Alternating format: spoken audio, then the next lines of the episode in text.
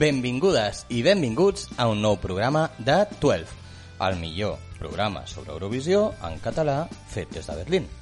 Hola, Mia, com estàs? Molt bé, Dani Berlín, i tu? Doncs aquí, bueno, ja em veus, amb l'Aperol Spritz a la mà, ja aclimatant-me, aclimatant-me perquè queda una setmana, una setmana, Mia.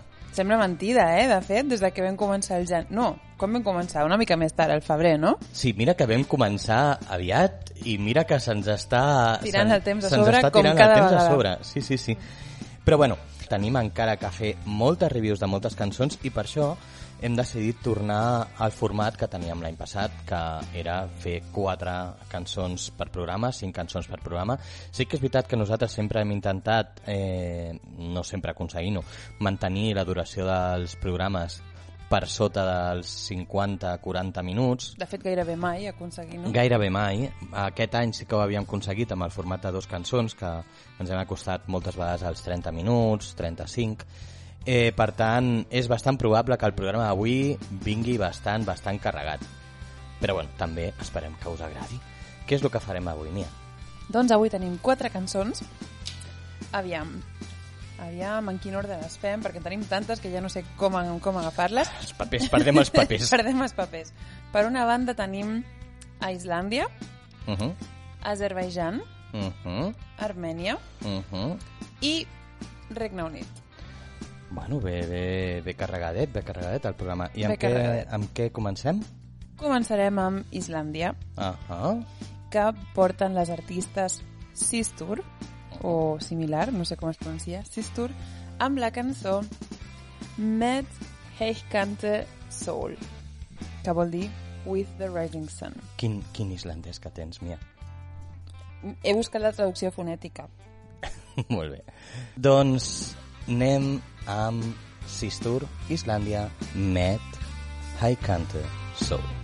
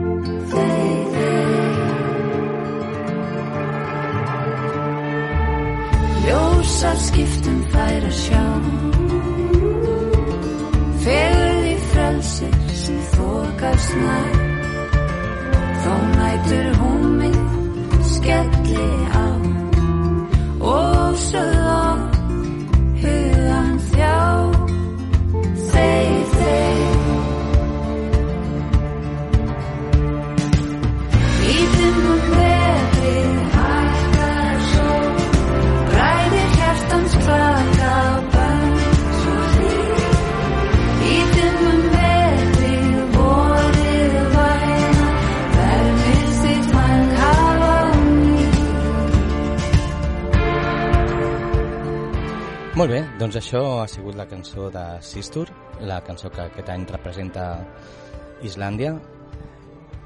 Uh, què en penses, Mia, d'aquesta cançó? Perquè ja és com la, la segona cançó amb aquest ball que tenim amb aquest festival, no? amb aquest ball així una mica com country, com de, no sé, com de l'oest. Què, què en penses? Sí, mm, és veritat, és el segon, la segona entrada amb aquest vibe. Eh, també és veritat que si no veus la posada en escena i el videoclip, no et porta tan, tan, tan, tan a l'oest que, que com quan ho veus, no?, per la vestimenta i tal. Però sí que a mi em recorda una mica aquest rotllo de, del Far West i però també és una música que d'alguna manera em relaxa molt em sembla, no sé, és una mescla entre Far West i, ja sé que no s'assembla gens, però i Enya, per mi, no? Amb música així, no sé, com molt suau, com cantada gairebé, com si, com si estiguessin, no sé, cantant a l'oïda, no? Amb una veu molt, molt suau i molt baixeta. No sé, és curiós, si més no, és, és especial. És sense estridències, i, i, i mai millor dit, perquè realment tot, tot passa com amb una mena de nebulosa molt... No sé, no sé com dir-ho, és molt suau aquesta cançó, però em porta a un lloc que em sembla interessant i m'agrada. Uh, no puc estar més d'acord. Per mi, uh, la- l'adjectiu que, que em ve al cap quan escolto la cançó és reconfortant. És una cançó super cozy. O sigui, és cançó de estar tranquil a casa i amb aquesta, com està, estàs allà amb escalforeta, amb la manteta, i estàs allà com super còmode. No sé, a mi em, em porta totes aquestes idees al cap. I de fet, jo crec que el fet de que una cançó com aquesta vagi al festival és perquè crec que és una cançó de veritat. O sigui, no, no sé a qui li escoltava ara fa poc, no? El tema aquest de que um, potser el que passava és que um, hi ha països que s'han deixat d'intentar engineer una cançó per a Eurovisió i, i que s'havien dedicat a fer una cançó, no?, de, de veritat. Ah, sí, em sembla que ho sentia dels nostres col·legues de, United. de Esk United, que des d'aquí aprofito per fer una mica de publi de, de companys. És un canal en anglès que la veritat és que... A veure, companys, no tenen ni idea de qui som ni què fem. Bueno, ens segueixen per Instagram i a vegades li donen like a les nostres publicacions. Que per cert aprofito per dir-vos que si no li heu donat encara a seguir-nos a Instagram, ho podeu fer, igual que ho fa Esk United. Bueno, fins aquí el moment publicitat, que de, des de l'any passat no, el- no el treia. No. A lo que anava és que crec que aquesta cançó és una cançó de... és una cançó feta de veritat sense pensar que en algun moment aniria a Eurovisió i per això transmet totes aquestes idees, no? Perquè no es va pensar en volem fer una cançó de 3 minuts que li dongui un punx a l'espectador des de que l'escolta des, del, des de la vamos, des del segon 30 que estigui in i que sigui espectacular per moltes coses i per veu i per producció, sinó que és una cançó que vol transmetre un missatge i, i el vol deliberar d'una manera molt especial i així ho fa. Jo no sé què dir. Mm, Realment no sé què contestar quan dius que aquesta cançó no està pensada per Eurovisió, perquè t'he de dir que aquestes tres noies, no? les Sistur, Sistur vol dir germanes en finès, i bueno, són les tres germanes Sigridur, Elisabeth i Elin Eiporsdottir, No, no és Eipor, Bueno. és Eithor. Eithor, perdó, perdó, Eithorsdottir, perdó, perdó. Que jo sé I molt d'islandès, eh? Ojo. Home, mataria. És que ets amic de Daddy Freyr. Home, home, que és el nostre veí, eh? és el nostre veí. I que, a més, es, elles com a banda no es diuen Sistur, es diuen Siga, Beta i Elin, això cal, cal dir-ho. Eh, elles no són les compositores d'aquesta cançó. Aquesta cançó l'ha composat algú altre i els hi ha donat a elles perquè es presentessin a Eurovisió amb ella. Per tant, no sé fins a quin punt no està feta per ser una cançó eurovisiva. Però bé, en qualsevol cas, eh, què podem dir de les, de les cantants de Sistur? Dani Berlin, tens context? Bueno, tinc una mica... Sé que fins ara se'l- se, les coneix, se les coneixia només pels seus noms, que és, era Siga, Beta, un Elin. També van tenir temporalment un altre nom que es deia Tripòlia. Eh, però de cara a aquest, a aquest festival, de fet, elles es van presentar al Festival Nacional d'Islàndia com a Siga Beta Unelin, però eh, van agafar aquest nom de Sisto, suposo que també a, a un nivell més comercial, no? perquè era una mica difícil tenir que recordar-te dels noms i, i era com molt llarg, Mhm. i es van posar Sistur, que vol dir germanes. Eh, L'únic que puc dir és que no... Elles venen d'una família musical ja, perquè el seu pare, el bo de Leithor, eh, era músic i amb ell han participat en algunes gravacions i sempre han estat connectats amb aquest món musical familiar. Eh, I també sé que sembla que al seu país elles són eh, activistes d'una cosa tan, tan, tan específica com és l'ajuda a nens transgènere. Mhm. Sí, sí, ho he llegit. Sí, sí, estan involucrades eh, a nivell social. Com tu has dit, el seu pare és el cantant o el músic d'una banda indie pop folk molt popular a Islàndia, de fet, o sigui, no, no serien totals desconegudes. I elles avui dia també tenen una altra banda, que és de house finès, no sé exactament com és el house finès, amb un tal DJ Fritz Finur, que les acompanya. O, bueno, sí. De, deu ser una cosa molt finur. Una cosa molt, molt fina, exacte. I sí, com bé has dit, elles van ser les guanyadores del Song Backupi, no, no sé com es diu, el Festival de Selecció Des Nacional. d'aquí dir que menys mal, menys mal que van guanyar Siga Beta Unerin, perquè la resta de coses que havia al Festival Nacional Islandès era... O sigui, el millor de la nit va ser que aparegués el nostre veí per, per animar la, el Daddy Freyr per, per animar la festa, perquè allò era... I també que va venir Tossé a cantar, que bueno, va ser un highlight, bueno, va ser un entreteniment, per dir-ho així, Mm. però sí, Sí, sí. nosaltres anàvem amb elles, vam veure el part del, del programa i realment eren les nostres favorites, però més aviat per incompareixença de rival. Eh, però no van guanyar de manera tan clara, perquè a la primera ronda es vota en dues rondes en aquesta final. A la primera ronda va guanyar la cançó Turn This Around amb una altra banda que era, a priori, la favorita del públic. I Sistur van guanyar només a la segona ronda. I he de dir que això no porta molt, diguéssim, parlant de mirant els precedents, no és una molt bona senyal perquè almenys des de 2014 cada vegada que ha guanyat el Festival de Saxo finlandès una banda que no era la que va sortir escollida a la primera ronda Islàndia no ha passat a la final o sigui que esperem que això, bé, que, que sigui només anecdòtic i que no sigui el cas de les Sistur, però bé, ja, ja ho veurem. I què podem dir de la cançó d'Annie Berlin? A nivell compositiu o musical? Aviam, a mi una de les coses que, que m'agraden més de les cançons, i de fet eh, avui ho parlàvem respecte a altres cançons, eh, no, no relacionades amb Eurovisió, és que al final per mi una cançó és algo que et tracta de portar un missatge. I les cançons són millors conforme són capaces de transmetre millor aquest missatge. És a dir, si tu tens una cançó que vol transmetre amor i la música et porta també cap a aquest costat i a més la lletra és capaç de posar-te exactament en aquella situació amb les paraules adequades, això és el que fa que la cançó realment es faci cada vegada més gran. Si tu fas cançons molt genèriques, eh, eh, tu eres mi cielo, eh, eres mi anhelo i, o como te quiero, llavors vas malament. Eh, I aquesta cançó, de fet, a mi el que més m'agrada és que crec que aconsegueix transmetre una mica el missatge.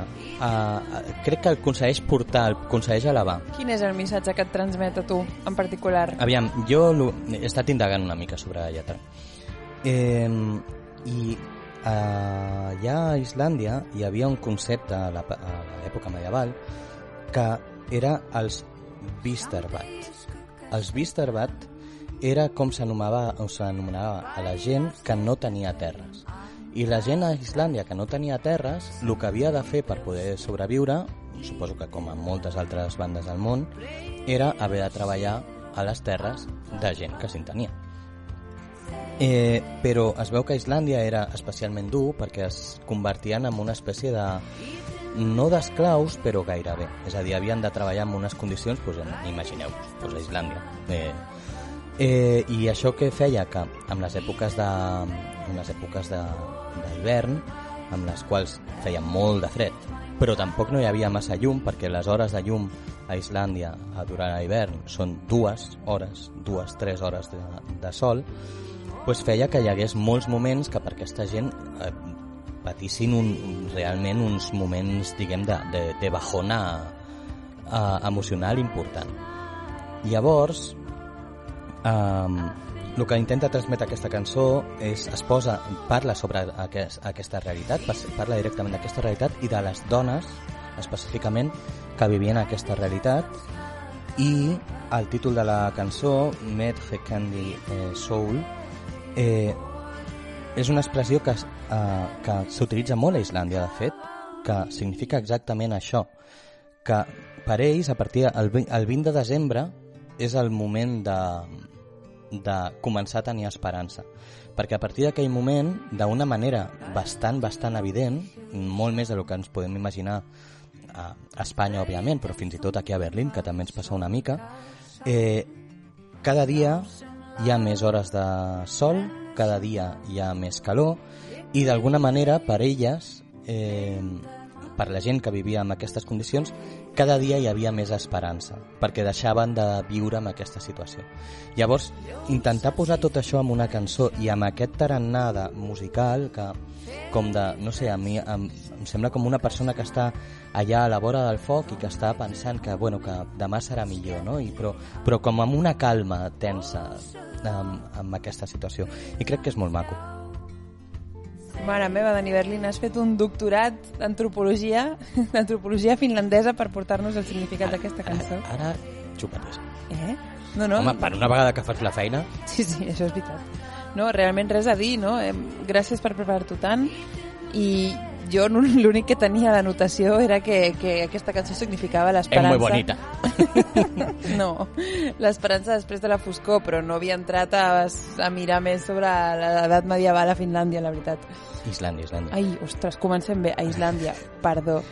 No, eh, però- Sí, perquè a més porto molta estona dient finès, finès, i no és finès, tot el que he dit és islandès. O sigui, perdoneu a tots els que... Tu sí que, tu sí que estàs fina. a tots els islandesos que ens hagin sentit i que s'hagin sentit insultats. Eh, bé, però sí, sí, això a mi no m'acaba de transmetre exactament la mateixa imatge que tu, d'algú amb un, amb el, no sé, al, voltant d'una llar de foc o alguna cosa així, però a mi em recorda més m'imagino algú enmig d'un d'aquests super landscapes a Islàndia, així com natura, natura màxima superbonic, mirant a l'infinit i, i pensant ja queda menys, ja queda menys per, per l'estiu. Però bé, en qualsevol cas, eh, sí, tot porta aquesta idea d'esperança i, i crec que sí, que com tu dius, realment aconsegueixen que aquest missatge arribi d'una manera o d'una altra, no? Eh, jo he de dir que personalment m'agrada la cançó, m'agrada molt, però potser li falta alguna, li falta alguna cosa, li falta alguna mena de panys com per Mm. poder dir uau, aquesta cançó és, una, és memorable, me'n recordo d'ella i, i té alguna possibilitat. Completament d'acord, completament d'acord. Jo, jo crec que han- s'han ficat tant en aquest, en aquest moment, no? en aquest tipus de, diguem, de vibe que, que volen transmetre, que i ho han mantingut d'una manera tan, tan, tan estàndard durant tota la cançó que li falta un, un wow factor. Li- falta algo que diguis jolín, quin, quin temazo, que no té per què existir, perquè al final ja he sentit moltes comparacions d'aquesta cançó amb una cançó que tu i jo, Mia, coneixem molt bé, que, que és Calm After the Storm de, de The Common Linnets, que la vam versionar ara fa uns programes. Molta gent la compara amb aquella cançó de Països Baixos del 2013, i per mi, és veritat, aquella cançó tampoc no tenia un moment, un moment superàlgid. Però el fet de que la tornada tingués aquells falsets elevats per part d'ella ja li donaven aquest punt de aquest punt elevat i amb aquesta cançó jo crec que es manté tota l'estona massa igual I la posada en escena era una mica més autèntica. Jo quan veig aquestes noies vestides així, quasi del Far West, i penso que és una cançó d'Islàndia, realment, o sigui, tot i que m'agrada l'estètica, em tiro una miqueta enrere perquè penso que, no sé, que estan- s'estan expropiant una mica expropiació cultural, Sí, que no passa res, sí, que, sí. que em, em sembla bé i m'agrada. Però potser de Common Linnets, vale, tot i que també portava era una mica així western, però no tant, i, i potser la posada en escena era molt... era senzilla i era, i era bastant bonica. A mi aquesta, la posada en escena no em m'agrada gens a la, a la selecció nacional i no tinc ni idea de com serà la final. No, jo tampoc, però tampoc no crec que hi hagi massa més a rascar, vull dir, perquè no em dóna la sensació de que de cop i volta vagin a convertir això en no, no, deixem les guitarres a banda, perquè recordem que són tres noies que surten dos amb guitarra i una amb el baix, eh, tocant, diguem, totes en, en paral·lel a, a davant de a primera línia, eh, no crec que de cop i volta deixin els instruments i es posin a, a fer algun tipus d'actuació fora d'això. També és Potser veritat... els hi posen el ballarí de Croàcia. Hosti, llavors sí que lo, lo petamos. Perquè clar, tindrà molt a veure amb, hosti, a veure si s'ha de dia tal i el tio allà donant voltes. Però Bueno, a lo millor sí, content. sí a lo millor per, pels croates tot això té sentit, però... bueno, no sé. Uh, la qüestió és que sí, com tu deies, mm, no sé si la posada en escena ajudarà a pujar la cançó, jo crec que no. Eh, a tot això dir que crec que la cançó no és dolenta, només que li falta alguna eh, i aviam si aquest mateix sentiment que ens ha transmès a nosaltres des del principi pues, diguem que serveix d'algú de cara al final. Sí, ja ho veurem. Però fins aleshores ens n'anem cap a Azerbaijan perquè tenim la cançó de, interpretada per Nadir Rustamli Fade to Black.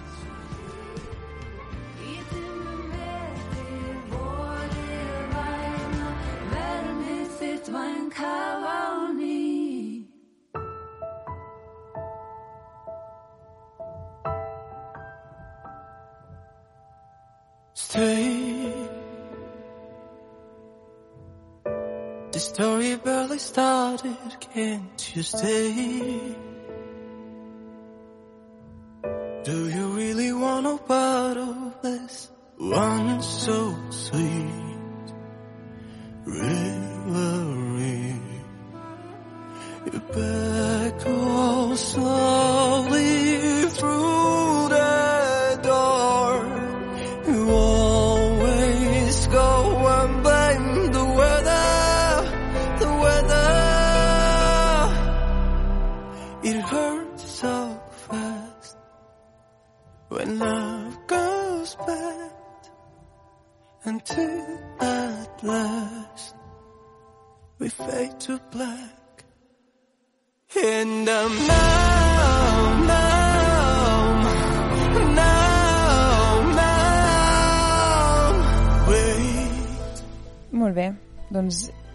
sentit la cançó Fade to Black de Nadir Rustemli. A mi m'ha deixat així com una sensació de calma i serenor. No tant com la cançó anterior, però bastant. Això, això no va dir. Sí. Però bé, seguim en aquesta tònica una miqueta. Dani Berlin, què ens has de dir d'aquesta cançó o d'aquest intèrpret? Aviam, a mi la cançó... Mm, igual que de la cançó anterior et podia dir que em sona a cançó de veritat, aquesta no.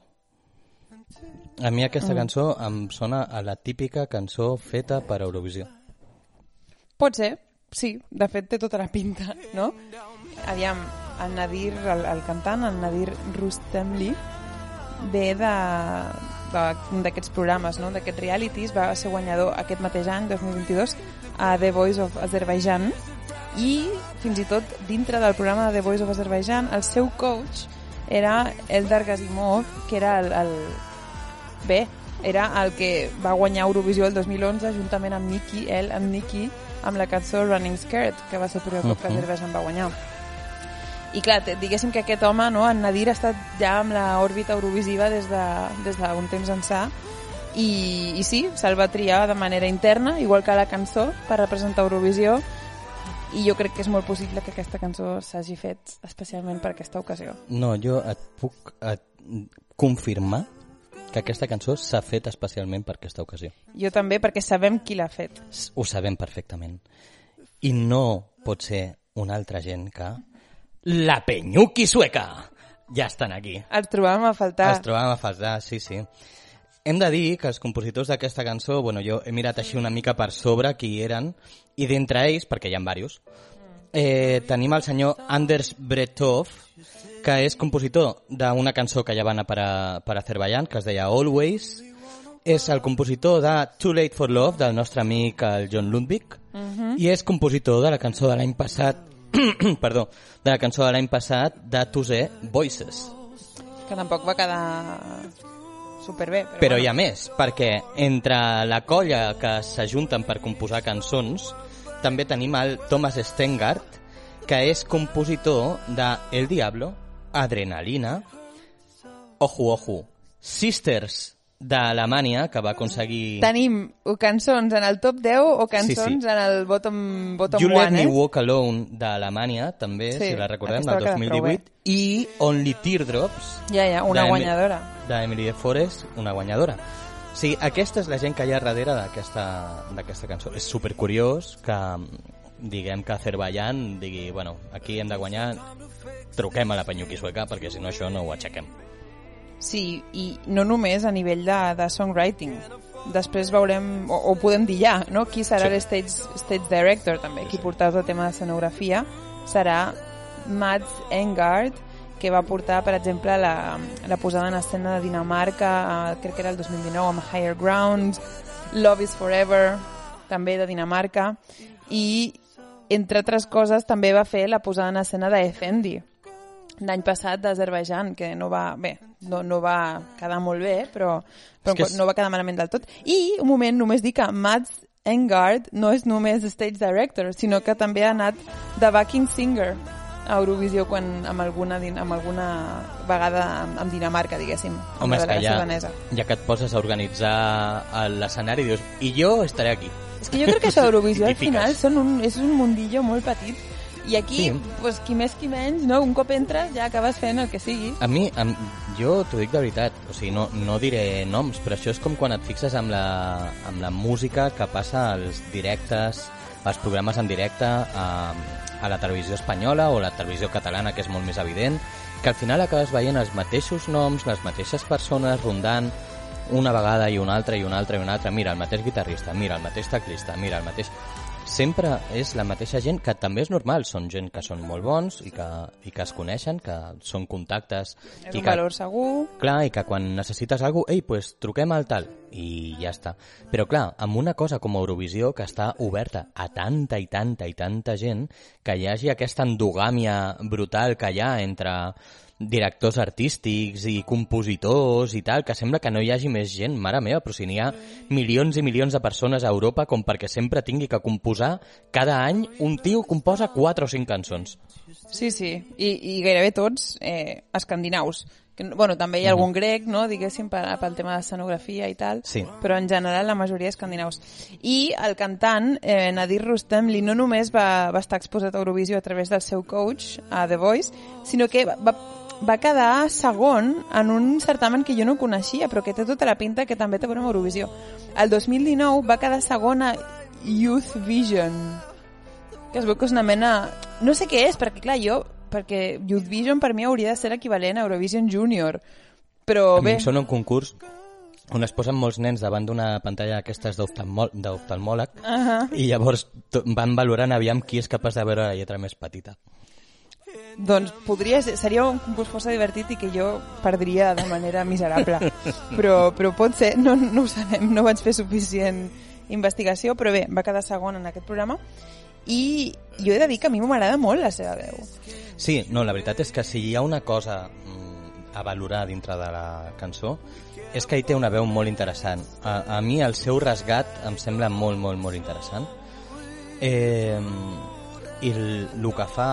I al mateix temps, el que fa al final de la cançó, que fa un, un falset, unes notes altes molt bèsties, em fan molta por. Perquè ara fa poc hem vist l'actuació en directe al, a la preparty a Madrid i no arriba a la última. Directament no arriba a la última. Potser s'està reservant.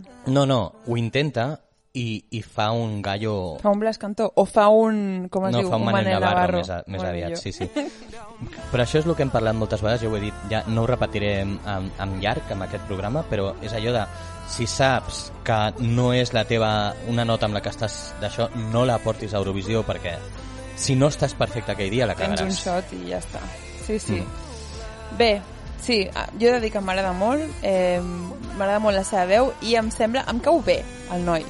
Em sembla un noi Llavors que... ja sí, em, em sembla molt majo, perquè vaig veure el moment com li, quan li van anunciar a ell mateix i a tot el país que ell representaria Eurovisió. Aquell no ho sabia. Ell no ho sabia. No, ho no ho has vist? No. El van portar a un programa de matins, del típic magazín de matins. Una mica rollo uh, hay una carta para ti, no? O sigui, És que no tinc el plaer de veure aquests no, programes. Isabel per tant. Gemia, no? Vai. No. Però bé, el típic magazín del matí, i li estaven fent una entrevista i li van fer van fer com una mena de format de Quién quiere ser millonario, ¿vale? I li van dir, va, ara et farem unes preguntes i tal, com si estiguessis a Quién quiere ser millonario. I el tio, bueno, vale. I una de les preguntes, l'última pregunta era qui representarà a Eurovisió, qui representarà, representarà Azerbaijan a Eurovisió el 2022? I hi havia quatre opcions i una d'elles era ell mateix. I clar, i el tio el, el, es va quedar així com jo què sé, saps? no sé. I, I al final va dir, va dir ell mateix, es va dir ell mateix i va encertar. I es veu el moment en què, saps, la, la resposta surt en verd per dir que, que l'ha encertat i tal, i el tio fot un vot allà, oh, que bien, no sé. primer es queda com molt sorprès, del plan, what? I després està molt i molt content, i em va semblar molt bonic. Des de luego, els acerís saben com fer televisió, eh? Sí, sí, entreteniment pur. Sí, sí, mare meva. Bueno, doncs jo a, a lo que anava... Bueno, aquest noi, eh, així només per posar una mica més de background, és un noi que, al marge de ser cantant, eh, té el grau d'administració d'empreses. Eh, Sí, jo també tenia a les meves notes, molt, molt irrellevant. Sí, molt irrellevant, però bueno, que sabeu que si no li va massa bé al festival, doncs sempre pot portar un hotel. Eh, Mira. Sigui, perquè de fet és en grau d'administració d'empreses eh, especialitat en turisme. Oh, mira. Sí, sí. sí Sempre va bé. Sí, sí, sempre va bé. Sí, que mira, sí, es pot quedar a Turín portant un, un albergo i ja està. Eh, Potser serà el nostre recepcionista quan arribem allà. Per finançar-se la... Ojo, eh? L'estada. Sí, no? Eh, I res, i respecte a la cançó, així com unes notes finals que tenia, eh, per mi el, el gran problema de la cançó, perquè no hem parlat massa de la cançó en si, la veu ho porta molt bé, però crec que tot està massa overdone, per dir-ho d'alguna manera. Vull dir, per mi hi ha massa orquestació, eh, crec que intenten tirar de trucos que han funcionat amb el passat, el pal de, bueno, doncs això va funcionar, ho fem aquest any, hi ha un moment que és super clavat a tot l'univers de, de Gion Steers, és clavadíssim i es nota molt que, que van per aquí. Eh, intenten portar una, una emotivitat que jo no, no veig on surt. I crec Ja. que això és el que fa que es vegi una mica el llautó en quant a, hòstia, això és una mica producte però és el que tu dius, al final el, el noi sembla bon noi, és molt jove, té una gran veu, eh, aviam fins a on arriba. Vull dir, és possible que ens dongui la sorpresa i que, i que arribi lluny, eh, però és, no sé. Després ja parlarem amb les nostres prediccions de, de què pensem que faran. Sí, i bueno, no hem parlat del missatge de la cançó de Berlin, crec que deu haver semblat completament irrellevant, perquè fet menció. Eh, sí, És un... la cançó, aquesta cançó, igual que tantes altres aquest any, em sembla, parla d'una ruptura amorosa o d'una relació que, que comença a anar malament. Però, no sé, quan et pares a mirar la lletra em sembla una mica desesperat i needy, no? Que hi ha alguna frase en què el tio li diu així com, ah, sisplau, dona'm una oportunitat, ho intento arreglar, no sé què, però sisplau, poca, no te'n de vagis. poca dignitat, no? Diguem-ne. Tampoc ho volia dir així, però, però bueno, sí, podríem dir això. Però més enllà d'això no, té, no aporta cap... Bé, no, no té res, diguéssim, significatiu o diferent. Al final lliga una mica amb el que hem dit amb la cançó de Sistur, no? Pues la cançó de Sistur té un, un context, no? S'intenta posar un context històric a la, a la cançó, s'intenta, diguem, posar al, a l'oient amb, amb una perspectiva i explicar una història a partir d'aquí de manera que et fiques a la història i el missatge arriba on més. Aquesta cançó és una mica pues, d'estes oh, que te vas, hoy todo se vuelve negro vull dir, no sé Sí, perquè, perquè és gitano. o, o és chiquito, no ho sé M'agradaria bastant. Bueno, molt bé. T'imagines a Chiquito cantant això? T'imagines Chiquito Eurovision? Ai- Això hagués sigut el moment més gran de la història d'Espanya per sobre de qualsevol altra cosa. Descobrirem de- d'Amèrica fora. Chiquito Eurovision. Bueno, doncs bé, jo crec que després de d'haver portat la crítica És que, per aquest... és que ara m'ho intento imaginar i. I, i veig a Chiquito amb un escenari gegant fent... I això seria brutalíssim. A veure, no és tan diferent del que va fer Neta al 2010. Estàs comparant... En... Estàs dient que Neta és Chiquito? No, però que fa sorolls així molt semblants, sí o no? Bueno, sí. Pues sí. em. Suposo que, que amb el gran Rodolfo Chiquilicuatre ens vam acostar a el que podria haver sigut això. Però clar, Amb menys classe. Rodolfo Chiquilicuatre seria, seria hacendado al costat de, de poder haver vist a Chiquito a, Sense Eurovisió. ànim de- d'ofendre... sin ánimo de lucro. Sí. Bé, doncs crec que ja estem llestos, no?, Sí. Per viatjar al següent país, que és Armènia, Mm -hmm. de la mà de Rosa Lynn, amb la cançó Snap. We fade to black.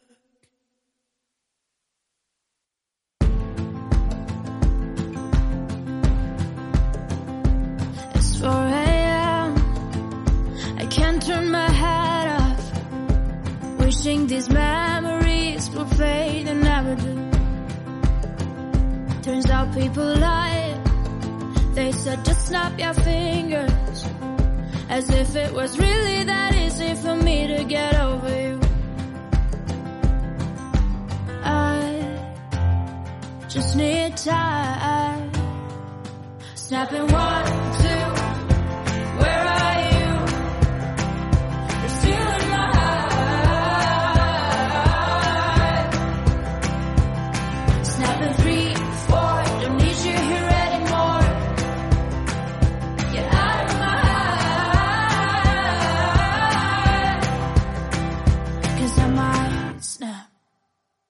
I'm writing a song. Bueno, doncs molt bé. Això és Snap, de Rosalind, la cançó d'Armènia d'enguany. Què en penses eh, d'aquesta cançó? Mira, perquè jo la veritat és que un altre cop més, com m'ha passat amb diverses entrades d'aquest any, tinc sentimientos encontrados. Bueno, jo sé que hi ha molta gent que no aprecia molt aquesta cançó. Jo he de dir que no em desagrada. I la podria escoltar fora del context d'Eurovisió, també.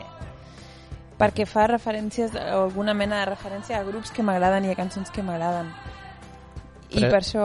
Precisament, precisament, segurament és per això que a mi no m'acaba d'agradar. No perquè no m'a- no m'agradi aquest estil, sinó perquè veig clarament que s'ha fet amb tota la intenció de que soni a això. Aviam, aviam, abans d'aventurar-nos en, en pensar per què s'ha fet així o no, o si ha estat només per Eurovisió, jo crec que hauríem de, de saber una mica més de la- l'artista, no?, i d'aquesta cançó i com ha arribat a fer aquesta cançó. Mm, Sí o no? D'acord? Bueno, va, donem-li donem aquesta oportunitat. Va, vinga. Aviam. Doncs Rosalind té 21 anys, és molt i molt jove, i és, aquesta tendra edat, ja és cantant, compositora i productora musical. I, bé, per parlar de com ha estat escollida, abans d'entrar més en detalls eh, sobre la seva vida i ella, eh, ha estat escollida internament eh, per la productora o per, per la, bé, el canal de televisió armeni Uh -huh. I, i bé, i ella, la cançó que, que porta, Snap, és una cançó que havia escrit ella mateixa, per ella mateixa, i per explicar la seva història personal d'una ruptura amb una parella, com la cançó eh, que hem sentit abans, que també anava d'algú que havia tallat amb un altre, i Mhm. moltes altres cançons, com hem dit, d'aquest mateix any, no? Des de luego la pandèmia deu haver fet molt de mal, no? Perquè si hi ha tantes cançons que surten d'aquesta època i que són de ai, mare meva, ho hem deixat, ai, mare meva, pues la cosa no ha anat massa bé. Sí, però jo crec que aquesta cançó, a diferència de les altres, no, hem parlat de la d'Azerbaijan, que era una mica, tu has dit, poc digna, no? o alguna cosa similar. Tenim la d'Irlanda, Brooke, que, tam Mhm. que és més, més canalla i més de dir, pues, pues sóc jo la que no Sí, et sí. vull, ves-te'n por ahí.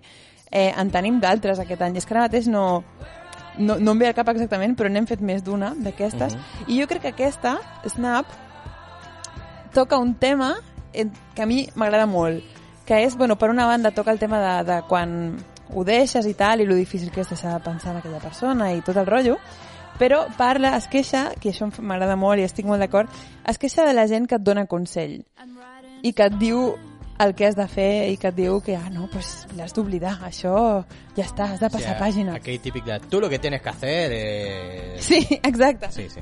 Sí, és que és una mica, es queixa una mica d'aquesta actitud i de dir, eh, mira, és que com, com em seguiu dient això, I will snap, o sigui, em tornaré boja, però ab- abans us deixaré de parlar a tots. I m'agrada molt que, que porti aquest missatge perquè em sembla superrealista. Poques cançons eh, acaben parlant d'aquest tema, que em sembla molt rellevant i estic molt d'acord. Per tant, a mi amb el missatge em té molt guanyada. Uh -huh.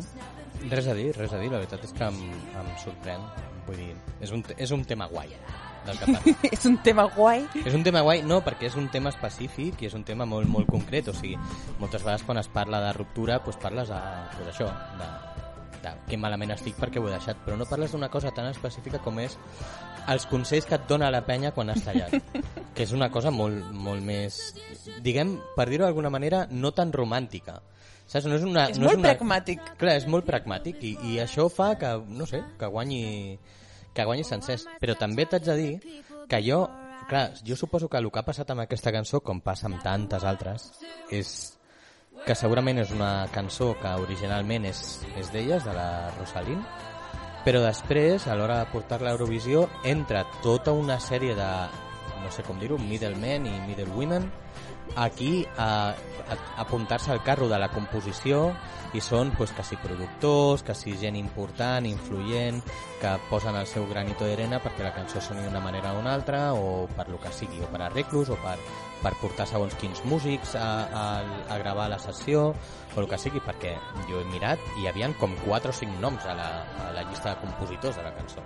Sí, això és veritat. Però sí que és veritat que la cançó és d'ella, segurament el que tu dius, no? Després se li afegeixen més coses. Jo el que puc aportar en, aquest, en aquesta direcció és que a nivell de mixing i mastering, que no sé què vol dir cap de les dues coses, Molt bé. eh, el qui ha fet, part de la gent que ha fet el mixing i el mastering, un d'ells és el Tony Maserati, que aparentment és un guanyador d'un Grammy, de Grammys, bueno, ha guanyat algun Grammy, com a mínim, i que ha col·laborat amb artistes com Aretha Franklin, Beyoncé, Sia, Selena Gomez o Lady Gaga. O sigui que han anat a buscar a un, a un d'això, a un productor, diguem-ne, reconegut. Bueno, això està bé. De fet, la cançó sona molt bé, res a dir. Eh, I sona molt, ja que has dit aquests noms, sona mm. molt, molt americana. És molt, sí. Molt americana. Molt folk americana. Clar, al final els noms que no hem dit al principi de, de lo que ens recorda aquesta cançó, per mi almenys és a l'estil de Lumineers, sobretot, Total. de Hey. Sons... Ai, És, és aquest tipus de... Sí, és, és Oh Hey, clarament. I jo crec que s'ha buscat, jo crec que realment s'ha buscat. Eh, I per això em fa una mica de, una mica de ràbia, no? Perquè dius, ja que ets un productor, diguem, anomenat, hosti, busca una cosa que no s'hagi fet, saps? No ho facis com el, com el d'això, com el senyor de...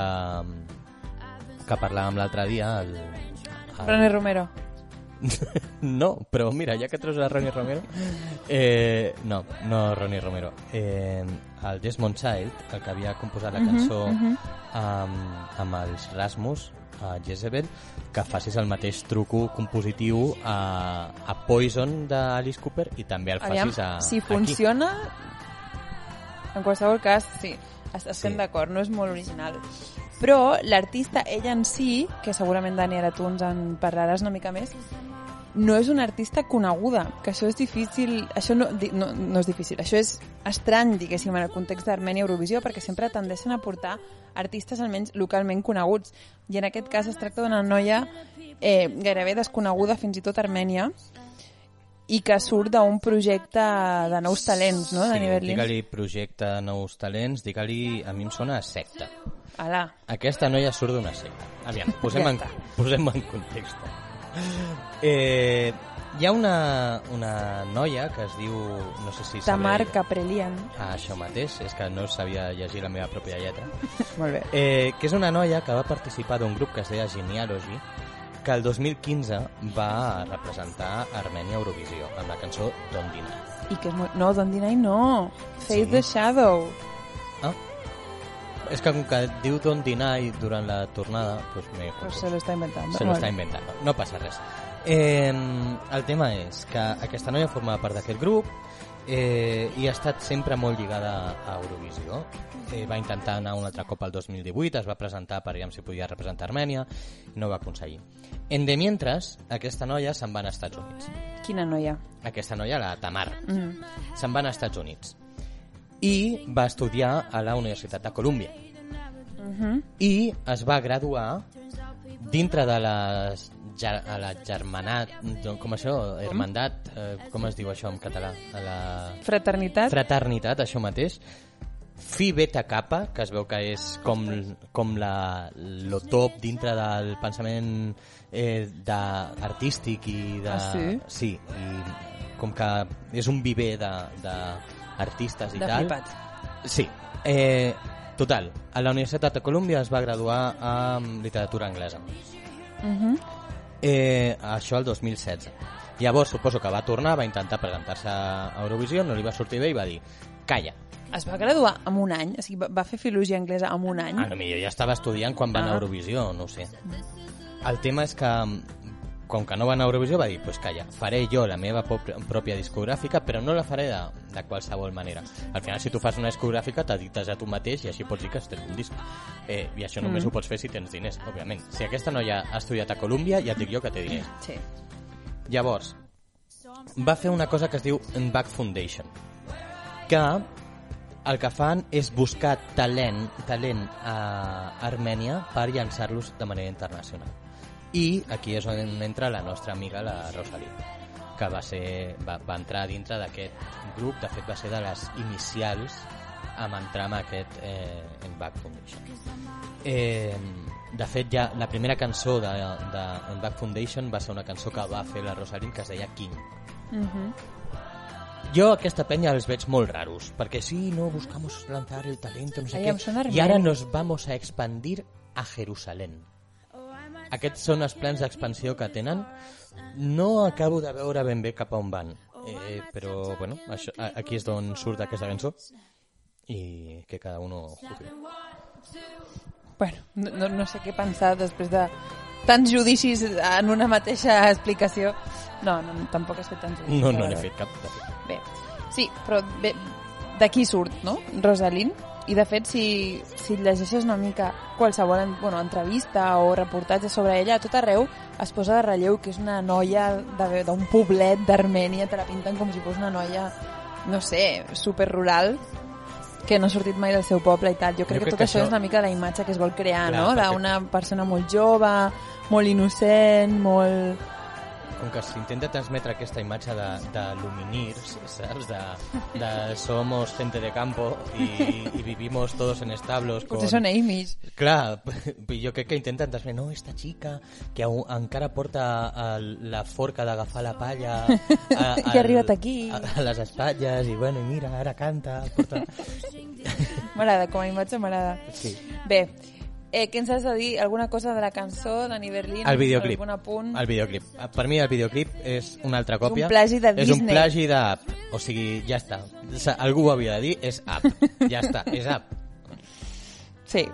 Jo he estat intentant entendre el significat i no li ha, del videoclip i enlloc he trobat una explicació coherent. Per tant, Jo no, em sembla que no ho he explicat amb aquest, amb aquest podcast encara, però jo, tinc, jo ja saps que jo tinc una teoria. Jo crec que aviam. uh, és, és paral·lela, eh? A Hollywood, Ui. a Hollywood hi ha un, un sòtano en algun lloc de Hollywood on obliguen a quedar-se guionistes allà, ficats, amb només que alcohol i porros. Vale? Llavors, aquella gent no pot sortir d'allà fins que no es treguin idees superloques per les següents pel·lícules que, que han de fer. I així pues, surten coses com Freddy contra Jason o, o Predator contra Alien, coses així molt loques, saps? De... O Abraham Lincoln com a zombi, Sí, no? cazavampiros, aqu aqu aquest tipus de, de coses. Jo crec que no, no arriben a aquest punt, però quan es van plantejar fer el videoclip per aquesta cançó, algú d'allà segur que va entrar en aquest modo de pensar coses loques i va dir «Eh que molaría que pusiéramos una casa volando y tal, y, y entonces ella va viendo cosas y la casa vuela». Pues molaría un montón. ¿Y esto cómo engancha con la canción? Con los... con el... A veure, jo crec que té una connexió que has de fer com una mica d'exercici mental per, per trobar-la, però la cançó, a part de queixar-se de la gent que et dona consell que no li has demanat, que això ho poso de relleu, és, per mi és el highlight de la cançó, la cançó també parla de com eh, al final tu pots controlar la teva realitat i com estan, jo què sé, pot haver deixat la teva parella i estàs molt trist i tal i qual, però al final si tu aconsegueixes trobar pau interior, tu pots fer que la teva realitat doncs, canvi i que no tot sigui tan terrible i crear-te la teva pròpia, les situacions que tu vols per tu mateix. I jo crec que potser aquesta, aquest videoclip reflexa com si tu ho vols d'alguna manera, no? pues pots fer que, que la teva casa voli. saps? D'alguna manera pots sortir de, del, del lloc on estàs i de la situació en què et trobes si aconsegueixes focalitzar-te en això i, i en estar bé. Està una mica agafat amb pinces. Molt. Jo tinc molta... Bueno, com a mínim ho he intentat. Eh, jo tinc molta curiositat de veure quina posada en escena portaran, perquè clar, una casa volant ho dubto, o podria ser un desastre si ho Ojo, aviam fessin. si el guionista està allà i diu «Eh que molaría Encara està allà tancat, pobre, no l'han deixat marxar. a ver cómo llevamos la casa volando, la- pero la del videoclip la llevamos volando al escenario giratorio que no funciona Potser poden fer servir la casa del Mickey, Sí, la del Miqui Núñez. Sí. Això. Sí, sí, que treguin també el, el el senyor que és tan gran que l'agafa i, sí, i la leva i així ja vola. Bé, en qualsevol cas, jo no tinc gaire més a dir de la cançó. No, jo la veritat és que tampoc. i amb això anem a la última cançó d'aquest episodi, que és la cançó de Regne Unit amb Sam Ryder, Spaceman. If I was an astronaut, I'd be floating in midair. And a broken heart would just belong to someone else down there. Be the center of my lonely universe, but I'm only human and I'm crashing down to earth. If I was an astronaut, I'd have a bird's eye view. I'd circle around the world and keep on coming back to you. In my floating castle, I'd rub shoulders with the stars, I'm drifting in the dark.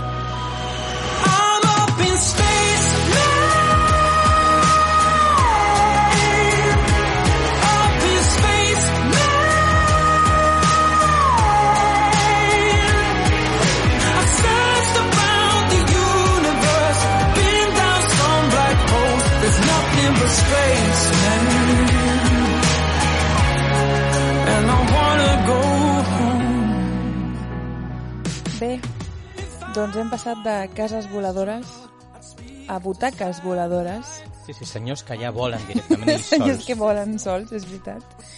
Amb la cançó Spaceman. Bé, Dani Berlin, jo sé que tu tenies moltes ganes de fer aquesta cançó. Per tant, deixo que comencis i ens il·luminis amb les teves troballes. Bueno, contra tot pronòstic, Regne Unit ha tornat. Després de fer pena durant anys i anys i anys, eh, aquest any porta una proposta molt, molt forta. Tu saps que jo no estic d'acord que fes pena l'any passat i ja em fa mal que diguis això, eh? i el pobre James Newman, Ho sento. que ho va James, portar tot amb l'estudicitat, amb la millor estudicitat del món. James, si ens escoltes i ens comprens, convida'ns a una birra. Eh, O adeu. Eh, no, eh, de veritat, ens cau superbé.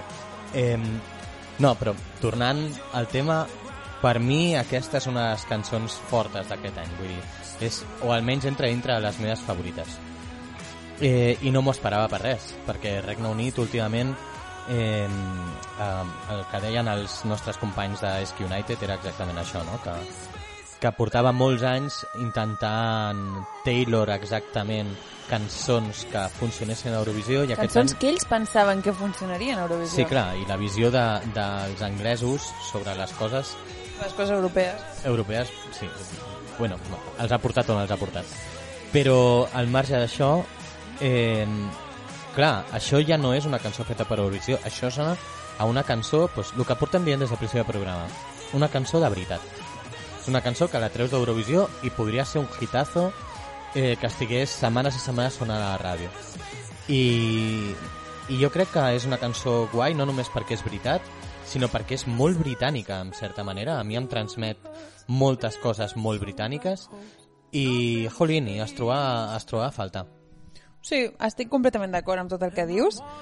I a més estic molt contenta perquè, no sé, crec que és una cançó que, que com tu dius, aquesta és una cançó de debò i que és com que porta com aire fresc, diguéssim, no? a, a tota la que és la, la Eurovisió per, per Anglaterra, no? Totes les, posa, totes les propostes que ens han portat fins ara eren realment una mica...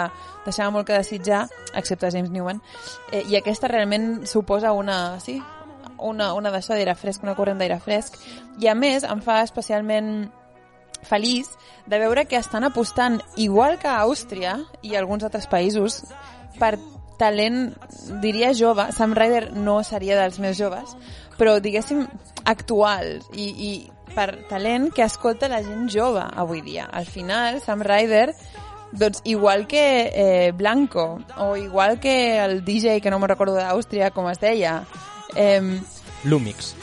Correcte. I tots aquests són artistes que avui que la gent de 30 no els coneixem i la gent de, de 40 i 50 i els nostres pares ni pensament, però són gent que estan allà, estan a les xarxes socials, estan s'escolten per la gent de, de les generacions més joves, de 20 anys, etc. I això jo crec que porta Eurovisió cap a una direcció que potser no a tothom li agrada, però jo crec que és molt positiva, que realment normalitza Eurovisió i deixa de, de, de que sigui un, un espectacle que sigui vist com una cosa que rinclona per gent gran i per, i per iaios, no? I això em fa bastant feliç. I per què dic tot això? perquè Sam Ryder, d'on ha sortit Sam Ryder al final? Sam Ryder ha estat músic i guitarra des de fa, guitarrista des de fa molt de temps, des, de, des del 2009, però no ha sigut fins al 2020, en plena pandèmia, que es va fer molt famós a través de TikTok. I és que va ser... va- És una estrella de TikTok amb més de 12 milions de seguidors gràcies a les seves covers, que n'ha tret moltes i que han estat molt i molt seguides, no? Per exemple, d'Adele, de Lady Gaga, Sia, etc etc. I, no sé, a mi m'agrada que comenci a mirar-se cap, a aquesta, cap a aquestes bandes. Jo podria estar d'acord, però no ho estic. I m'explico. Eh, al final les xarxes socials són, han donat una cosa bona, que és que sense que la gent es pugui o s'hagi de gastar diners, eh, es converteix en, en, un, en una posada en escena o en una posada de gala davant del món eh, en el qual pots mostrar el que fas i el que ets. I si connectes amb, amb gent, es, et pots tornar viral com, com, Com el nostre podcast. com el nostre podcast, que està, lo està petando amb els nostres eh, meravellosos 30 seguidors. Us estimem, de veritat. Eh, Però no marxeu. no marxeu, perquè si no deixarem de ser virals. Eh, el tema és que eh, està molt bé perquè, perquè això és un aparador, no? Per, per molta gent, però al mateix temps eh, de la mateixa manera que passa amb la producció musical, que ara mateix hi ha molta producció a casa, molta gent que es fa dir productor musical perquè té un software a l'ordinador a casa, perquè és una cosa ja completament expandida, que tothom ho pot fer a casa seva. Eh, pues com amb totes aquestes coses que es tornen tan mm, virals i tan exteses, pues hi ha molta palla entre poc gra. I crec que jo m'alegro molt que un talent com aquest noi pugui veure la llum, però al mateix temps aquest noi portava 10 anys eh, menjant mm, eh, sense menjar-se els mocs i era igual de bo. Menjant menjar anglès, Sí, que seria equivalent. sí. Excepte el Yorkshire Pudding, potser. És meravellós. Eh, però, vull dir, era igual de bo el 2018 o el 2017, estic segur que aquest xaval segur que cantava igual de, igual de bé o més el 2017, però com que no tenia aquesta plataforma o ningú l'havia escoltat abans, pues, no se li feia cas i segurament pues, podria fer com un que jo em sé, un tal Dani Berlín, que va tocant per, per bars amb la seva guitarreta i tal i qual, i, el, i mira, i per la cosa menys pensada acaba sortint. Vull dir, no crec que sigui una cosa tan de joves com del fet de que avui en dia la fama es converteix, eh, es, es aconsegueix per uns altres mitjans. Però a què em refereixo és que al final, no dic que sigui una cosa de joves, però que al final la, la gent que està a TikTok no són els nostres pares. Són les generacions joves i al final portant cares que, aquest, que aquesta gent veu a TikTok i a les xarxes on ells es mouen pot fer com una mena de rentat de cara a Eurovisió i pot realment aportar, eh, no sé, una mica més de modernitat, per dir-ho així. Jo això em fa relativament feliç només, només dir que després que pagués, diguéssim, el, el super... Eh, bé, la superpujada no? que va tenir Sam Ryder durant el confinament, finalment va signar amb una discogràfica, amb Parlophone, i va treure un EP. Avui dia tothom treu EPs. I sí, doncs d'aquí surt Sam Ryder, i la tria va ser interna, no va haver-hi selecció nacional, això crec que porta sent així els últims Sí, anys. s'ha parlat moltes vegades de que semblava que es volien unir amb una discogràfica, no recordo quina, perquè fos aquella discogràfica la que els hi portés la selecció, és, s'havia és, és parlat... el que ha passat aquest any. No, no, ja, sí, sí, però vull dir que, que això jo recordo quan es va parlar que es va dir sí, muntarem un, un festival nacional per poder escollir-ho, perquè sigui una cosa molt més oberta a la gent, també perquè, igual que passa a Espanya o que passa a Alemanya, el, la fama del festival no és massa bona al Regne Unit, tothom ho veu com una cosa molt... Pues com, la, com la veu la gran majoria de gent a Espanya o, o a O Alemanya a Alemanya encara pitjor. o a Alemanya encara pitjor, vull dir, una cosa com molt antiga, molt carrinclona, molt fric, molt... Pues que això, que qualsevol semblança amb, amb un, un escenari artístic, diguem, legítim, és pura coincidència. I el fe... jo crec que això ajudarà molt a Anglaterra, no només perquè faci una bona posició aquest any, que crec que la faran, sinó de cara a anys, a anys vinents. Vull dir, jo crec que això donarà un impuls com porta fent Itàlia els últims, els últims anys. Des de que es van retirar i van tornar, des de que van tornar... Mm, amb molta força. Han tornat amb molta força i no només això, sinó que els artistes que, que van a Eurovisió o estan a punt d'anar a Eurovisió es converteixen en grans estrelles Måneskin a nivell internacional, però a nivell nacional, vull dir, Il Volo són una banda super establerta allà, Diodato és un, uh, és un artista super establert, Marco Mengoni és un personatge super establert, vull dir, entrades molt potents d'anys anteriors a Itàlia han arribat per quedar-se. I Manel Navarro, a Espanya, què? Bueno, no sé on s'ha quedat. No, sense passar-nos, eh? eh? Però bueno, sí, ha sigut una tria interna i eh, no l'ha fet la BBC, sinó que la BBC, com ha explicat en Dani Berlin, ha delegat aquesta tasca de triar a un intèrpret a una productora musical, a una discogràfica que és Tap Music, que és una discogràfica gran, que porta artistes com Dua Lipa, Lana Del Rey o Ellie Goulding. I també s'està especulant que que Tap, eh, Tap Music el que ha fet és intentar, el que està intentant fer en realitat d'amagat és reclutar a Sam Ryder com a un talent per portar la seva discogràfica, perquè ara mateix ell, ara mateix ell està a Parlophone. I bé, però en qualsevol cas l'han triat a ell i bé, què podem dir de la cançó? Ja hem parlat molt de l'artista. Aviam, a mi la cançó em recorda molt a tot allò que és essencialment anglès en la música. Veig moltes, moltes referències a moltes coses i a vegades la, per mi les referències més evidents són a, són a Queen, musicalment parlant. Vull dir, veig moltes, moltes cosetes.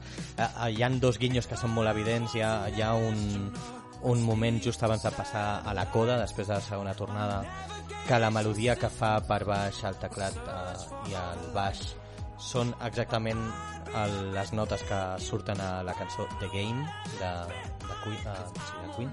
I al final de la cançó el gir de veu que fa és clarament son barítono clarament son barítono però no només és a, a un nivell de, de coses molt específiques sinó és el tipus d'acords el tipus de color d'acords la seva veu, hi ha moments que recorda a Freddy, sobretot quan puja, la manera que té de ficar el vibrato, però també hi ha moltes altres vegades sense que, sense que sigui anglès de naixement, però és anglès en quant a, diguem, a la seva, al seu tarannà. Uh, hi ha vegades que recorda George Michael, um, amb la manera que té de col·locar la veu. Vull dir, totes aquestes petites referències fan que ho vegis com... És que no pot ser una altra cosa que anglès, vull dir, no, no pots veure aquesta cançó sortint de- dels Estats Units, o em seria difícil veure aquesta cançó amb aquest tipus de so sortint dels Estats Units o sortint de qualsevol altre país europeu. I m'agrada, perquè és una cançó molt, molt ben feta, molt ben feta, i que representa exactament el panorama musical del país o el que ha sigut el panorama musical històric del país durant molt de temps a nivell de pop-rock. O sigui que mm, per, aquesta, per la banda musical jo crec que mm, la, la paraula que em ve al cap és hitazo. És un hitazo. Sí, jo estic super d'acord, m'agrada molt la cançó des del primer moment, també m'agrada el videoclip. Eh, el, el noi en si, Sam Ryder, em sembla super simpàtic, no sé, no sé per què, em, em provoca simpatia. I com a curiositat, el- coses que he llegit és que ell diu que aquesta cançó està inspirada en Billy Joel, no sé exactament Uh -huh. en què, i que la va escriure literalment en 10 minuts en un estudi enmig de l'estiu, en un estudi sense finestres en un dia de molta calor i que, que bé, que ell no sabia com li sortiria la cançó perquè les condicions eren pèssimes però que al final n'ha sortit això, no? el que Dani Berlin tu consideres un, un hitazo i que el missatge de la cançó és que el, el missatge és una mica curiós, bueno, curiós no, però jo quan vaig sentir la cançó no sabia com agafar-la. Pensava que era del plan pues amb el corona, saps, com que tothom està a casa, pues que hi ha molt d'espai, no? I que surts al carrer i, i no hi ha ningú i tot és molt espaiós. O sigui, no, realment no tenia ni idea de per on anava el, el missatge de la cançó, però vaig estar llegint una mica més i mirant la lletra i al final sembla que el missatge va sobre apreciar tot allò que, que un té i que, que un té al costat i que val la pena, no? I que parla de que la gent se'n va molt lluny, molt lluny en l'espai per buscar la felicitat i per buscar coses millors, quan al final tot el que potser tot el que necessites ho tens al costat i no necessites tampoc tot aquest espai.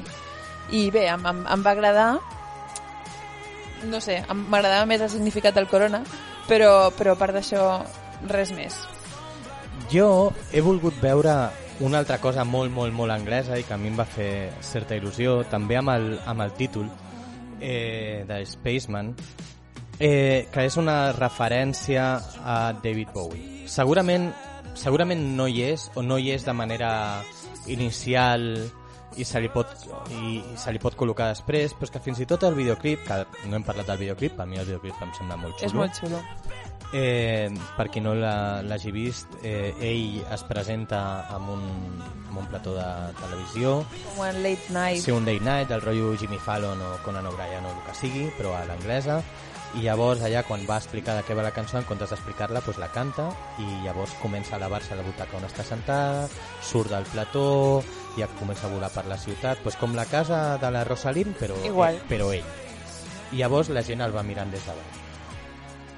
I una de les persones que se'l queda mirant, per mi, clarament, s'assembla moltíssim a David Bowie, no, no a David Bowie en l'època, diguem, última, sinó em recorda molt a una imatge de David Bowie molt dels, dels 70, de l'època de l'època potser de, del Heroes, de, de quan va treure la pel·li de The Men Who Fall to Earth, em sembla que es deia.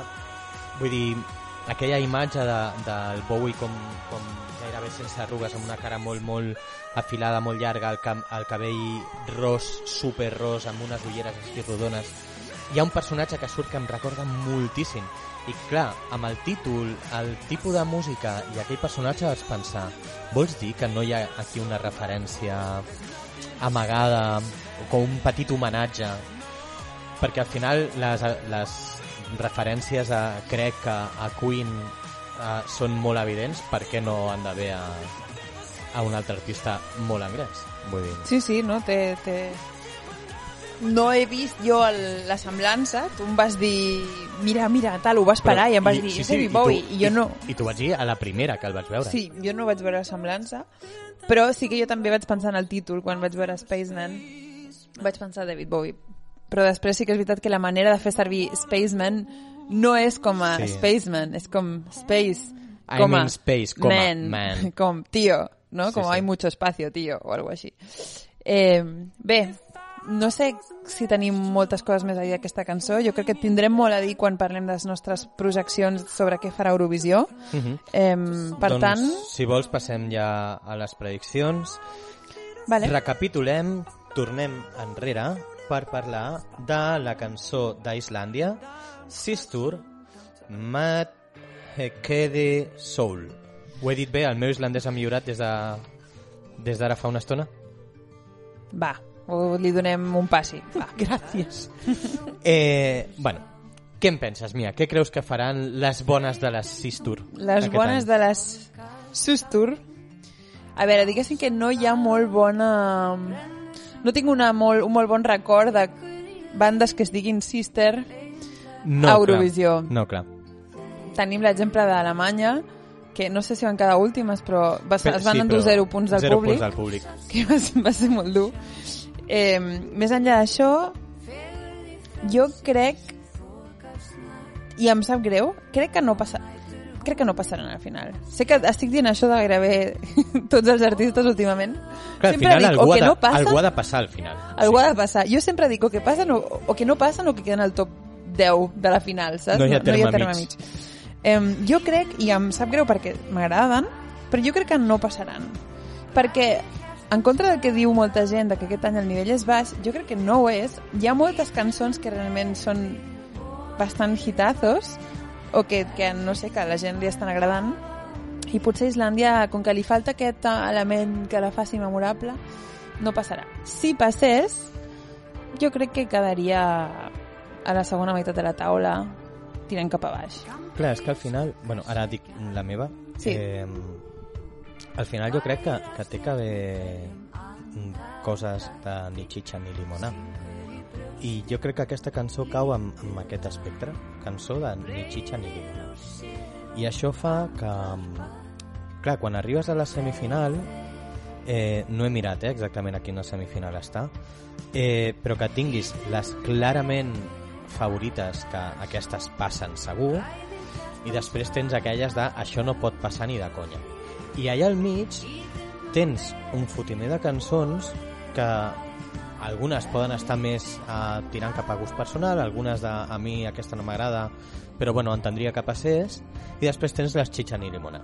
Vull dir, a lo millor del, de la 1 a la 6 són cançons que passen clarament, després hi ha quatre llocs allà eh, que no saps qui se'ls emportarà perquè hi han 8 cançons que opten a aquestes quatre posicions. I després estan les altres eh, quatre cançons o cinc cançons que aquestes dius, aquestes no passen fijo. I jo crec que aquesta està dintre de les ni xitxa ni limonar, és a dir, està dintre de les cançons que mm, a lo millor per un descuido saps? A, a lo millor, pues, si entre aquestes vuit cançons que estan optant a les quatre pues, no ho fan tan bé com d'això, pues, a lo millor aquesta escola allà i passa a la Sí, sí. final sin, sin comerlo ni beberlo. Però jo crec que és d'aquestes. Jo crec com tu, jo crec que no passarà a la final. Però que estarà allà, en aquest grup de potser em colo dintre.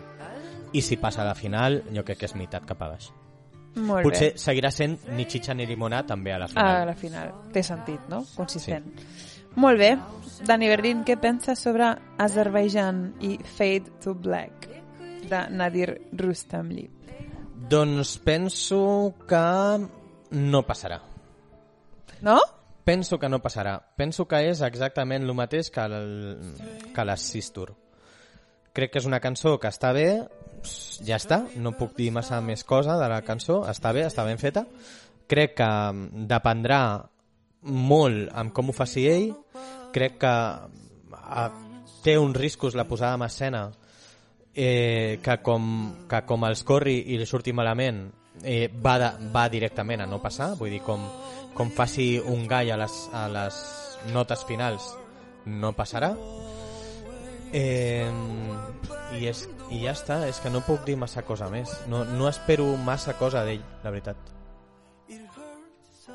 I tu què en penses, Mia? Aviam, penso com tu, mm, realment, però jo crec que si ho fa bé, o sigui que si, si no fa un gall, jo crec que té més possibilitats de passar que les de Sistur. Per tant, jo crec que passarà justet.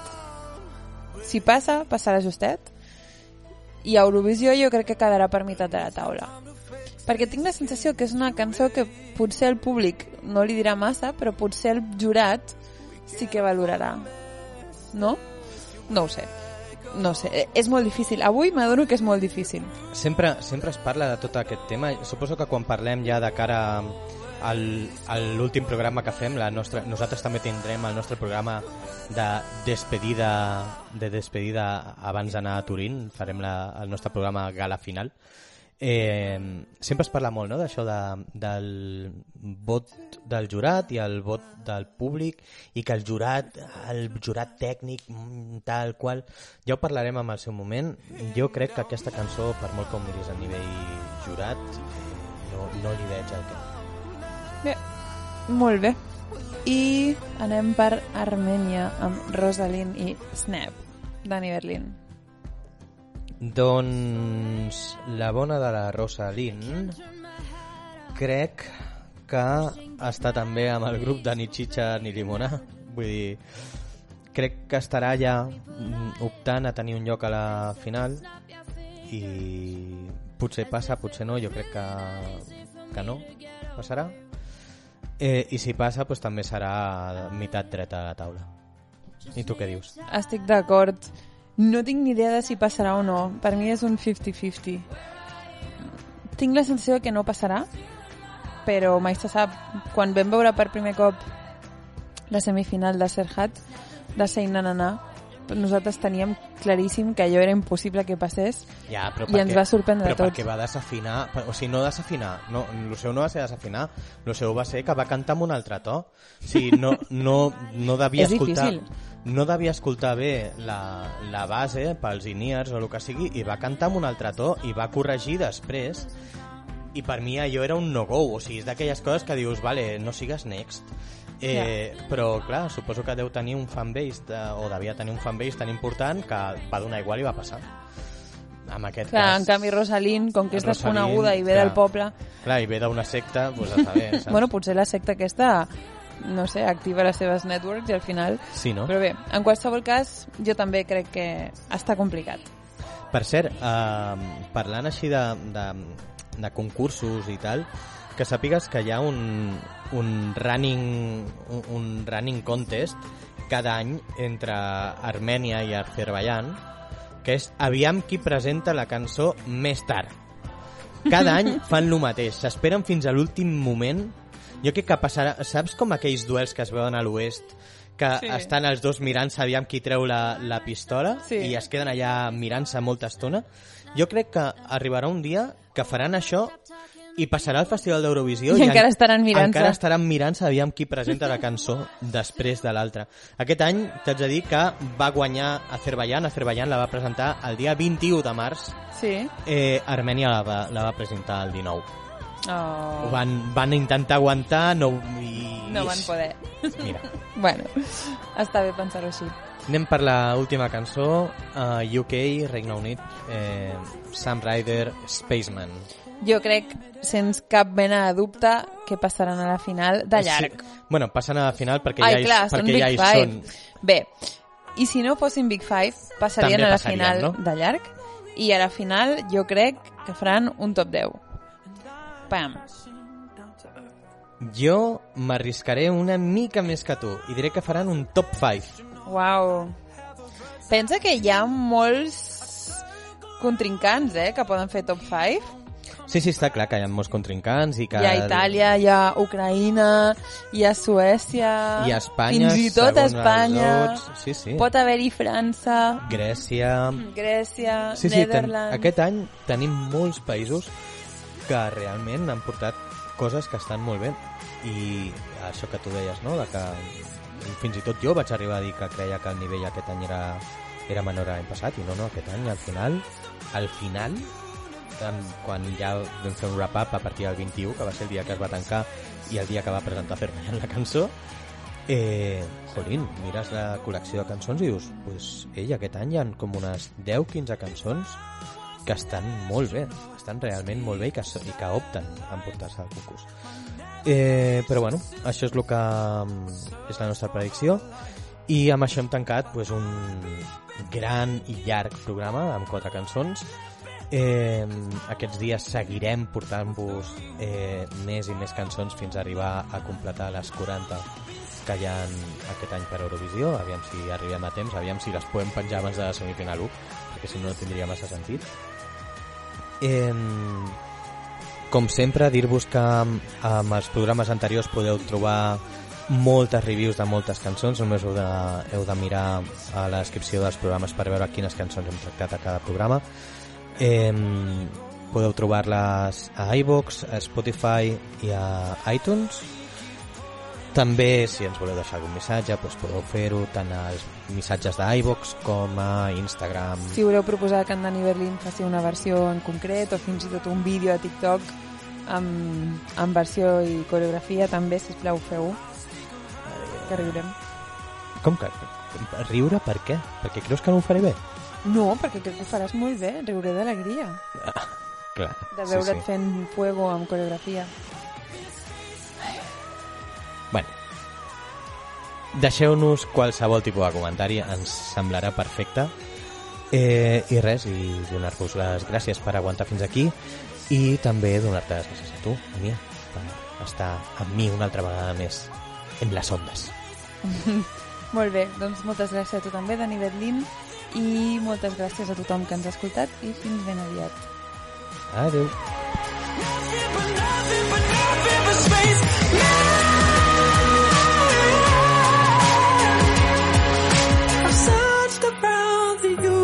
universe, been down some black holes, nothing but space, man. And I wanna go home.